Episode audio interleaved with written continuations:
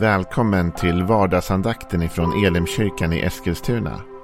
Det här är en podcast som kommer ut måndagar till fredagar. Om du vill veta mer om vilka vi är, vad vi tror på, hur du kan komma i kontakt med oss eller vad vi kan erbjuda dig för någonting så gå in på www.elimkyrkan.com. Du får jättegärna gå in och likea vår Facebook-sida. Det är facebook.com elimeskilstuna. Eller så söker du upp oss på YouTube och då söker du på Elimkyrkan Eskilstuna. Vi vill jättegärna komma i kontakt med dig. Men nu lyssnar vi till dagens andakt. Välkommen till vardagsandakten. Det är fredag idag. Vi går mot landning av en arbetsvecka för de flesta. Eh, några av oss jobbar helg och till oss får vi säga lycka till. Det kommer bli bra. Vi kommer greja det här också. Precis som vi grejar de andra helgerna. Psalm 144 är den psalm som vi har ägnat oss åt den här veckan. Och ska ägna oss åt även idag. Eh, men vi ska ta slutklämmen in idag. Vi ska avsluta den. Och jag har redan sagt i början av veckan att vi kan inte ta varenda liten vers i den här salmen för att den är för lång för det. Men vi tar liksom partier av den och vissa stycken och lyfter ändå ur det väsentliga i den. Det är en lovsång, kungens lovsång och bön, säger rubriken.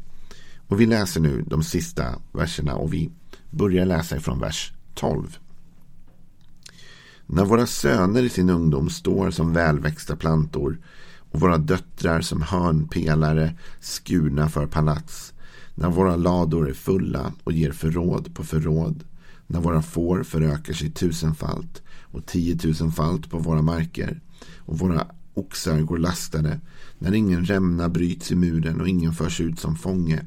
Och inga skrik hörs på våra gator. Saligt är det folk som har det så. Saligt är det folk som har Herren till sin Gud. Det är fascinerande när vi kommer ner till slutklämmen av det här bibelkapitlet. Därför att i början av den här salmen så är vi i ganska stor kontrast till det vi nu läser på slutet. Därför i början av salmen så talar David om att Gud ska träna honom. Han tränar hans armar och hans händer för krig och strid. Och det känns ju ganska olustigt. Och efter att han har talat om det, att Gud tränar honom för kampen, för striden, så kommer han in i en bön som handlar om att Gud rädda mig nu från fienderna, från främlingarna. Som de som talar som man inte kan lita på, som gör det, man kan inte lita på det heller. Du måste rädda mig Gud. Och sen efter det, efter träningen, efter bönen om hjälp, så kommer vi till detta, vilket är någon sorts idealbild av framtiden. Där David talar om att, att, att folket ska leva på ett helt fantastiskt sätt. Där barnen ska kunna växa upp och bli det de är tänkta att bli och vara. Och även där liksom allting går bra med arbetet, resurserna, med frid och ro. Ingen fånge tas, inga skrik hörs. Här är det fridfullt, här är det lugn och ro. Det här är den plats som David vill till och söker sig till. Det här är den plats han tror sig kunna komma till. Och han skriver också i slutet vad det är som avgör detta då. Vad är det som kan skapa en sån här fridfull miljö? Det är Gud. För det är Herren som skapar detta för sitt folk, säger David.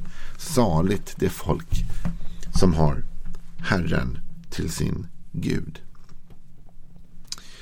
Men han börjar med detta. Han börjar med att tala om barnen. När våra söner i sin ungdom står som välväxta plantor. Om vi börjar där. Välväxta. Då kan man prata om utveckling, eller hur? Något som är välväxt har ju mognat, växt till. Så David talar om att någonting som Gud vill göra för våra barn, för våra unga, är att låta dem växa till.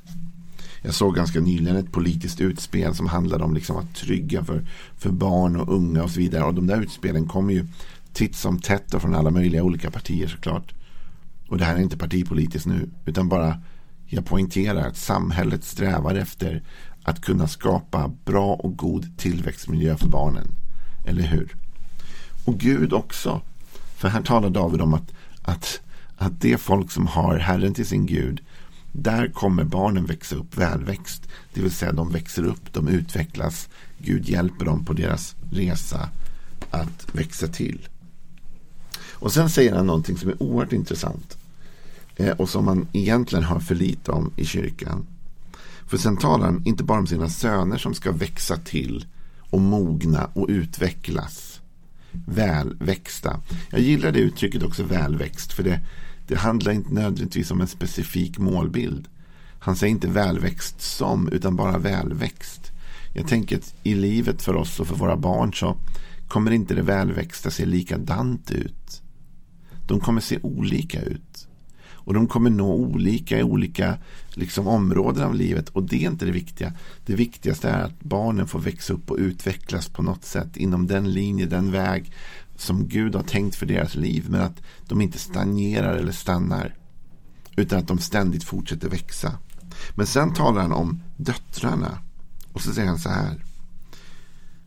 Och våra döttrar som hörnpelare skurna för palats. Det här känns som ett budskap till vår tid tycker jag. Om du loggar in på söndag eh, i vår gudstjänst så ska jag faktiskt tala om, kan jag avslöja redan nu att jag ska tala om jämställdhet utifrån skapelseberättelsen. Men ibland talar vi inte alltid om kvinnor på det här sättet. Som David gör här. Han talar om att kvinnorna ska vara hörnpelarna i palatsen. Det är ju en position som är eftersträvansvärd. Det talar om att det är de som bär upp. Det är de man bygger kring. Det är de som blir liksom de som bär palatsen. Och jag tänker mig att i vår tid så behöver många unga kvinnor få höra detta. Att Gud, i Guds rike, så har Gud ända från början, ända sedan David skrev det här, talat om kvinnor som bär upp och som leder och som styr. Som är hörnpelare i palatsen, eller hur? Så det, det är inget fel. Tvärtom är det i linje med Guds vilja att kvinnor och unga tjejer söker sig till en karriär där de blir bärare. Där de faktiskt är de som håller upp palatsen. Eller hur? Som har de förnäma positionerna och som når det vi kan kalla för framgång om vi vill det. Men nu ska vi göra det ännu bättre. Därför att det är inte bara palatsen och det samhällshäftiga stora som, som kvinnor ska ha framträdande position i. Utan det här ordet palats kan också översättas med tempel. Hörnpelare i tempel eller templet. Wow. Alltså ibland talas det om kan kvinnor vara pastorer och ledare och så vidare. Vet du vad David säger? Han säger att i Guds rike och hos det folk som har Herren till sin Gud, där växer döttrar upp och blir hörnpelare i templen. Där är det alltså kvinnor som kommer stå med och bära och leda och driva. Absolut. Visst kan och ska vi uppmuntra tjejer att gå in i ledarskap såväl i palatsen som i templet i Guds rike. Och Det här är någonting vi behöver bli bättre på. Att våga uppmuntra dem till det. Absolut ska grabbarna växa upp och, och, och, bli som David säger här. De ska bli välväxta plantor. De ska växa upp och de ska blomstra och de ska leva ut det Gud har lagt i deras liv. Eller hur? Vi ska uppmuntra alla grabbar. Men vi ska också uppmuntra alla tjejer att växa upp och bli hörnpelare. Att våga ta kommando och ledning. Att bära upp palatsen och templen. Wow, låt oss göra det mycket, mycket, mycket mer än vad vi har gjort hittills. För David säger att så här är det hos Guds folk. Men så fortsätter han också säga att sönerna växer upp och står som välväxta planter och våra döttrar som hörnpelare skurna för palats och tempel. Sen talar David om att när våra lador är fulla och ger förråd på förråd och när våra får förökar sig tusenfalt och tiotusenfalt på våra marker och när våra oxar går lastade. Om vi börjar där så länge så talar David om framgång. Han talar om att det ska gå väl, eller hur? Han talar om att det materiella ska öka. Han börjar med barnen och säger att det viktigaste är barnen. Att de växer upp och blir det Gud har tänkt att de ska bli. Och det här hänger väldigt mycket ihop också. Om vi investerar i barnen kommer även samhället att gå bra. Men barnen växer upp, de kommer in i sina uppgifter, i sin kallelse. Men sen så också hos Guds folk sen så ska förråden fyllas. Så han talar om ett folk som har förråd på förråd. Han talar om ett folk som har eh, oxar som går lastade med saker. Han talar om får som förökar sig i stor mängd. Gud vill ge dig förråd på förråd. Och Gud vill att det ska gå dig väl. Och Gud vill att din, ås, din, åsna, din oxe ska gå packad, inte tomhänt. Det här är vad David säger. David målar upp den här idealbilden av dit han vill och dit han tror att Gud kan leda. Och han säger inte att han är där, för han säger att, att han säger själv fräls mig och rädda mig. Eller hur? Men sen börjar han tala om hur det skulle vara att vara det folk som har Herren till sin Gud. När Gud får regera totalt, ja då ser det ut på det här sättet.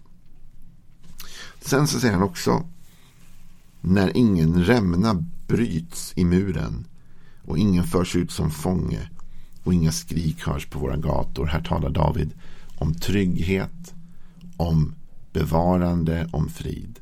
Han talar om en stad vars murar inte släpper igenom någon fiende. Det finns ingen rämna där de kan springa in. Och det finns ingen som tar någon till fånge eller driver ut någonting. Han talar om frihet. Han talar om ro på gatorna. Han talar om att Gud beskyddar, Gud bevarar. Gud låter inte sitt folk tas till fånga. Och så säger han också saligt, säger han som avslutning. Och inga skrik hörs på gatorna. Det är också intressant. Det talar om konflikt, eller hur? Ångest, oro, skrik, konflikt, kamp. Inget sånt.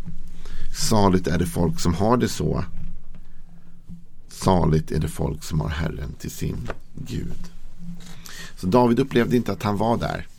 Han upplevde inte att han hade kommit dit. Han upplevde att han behövde räddas och befrias. Och han bad att himlen skulle komma ner och röra vid jorden. Men han drömde om den här tiden.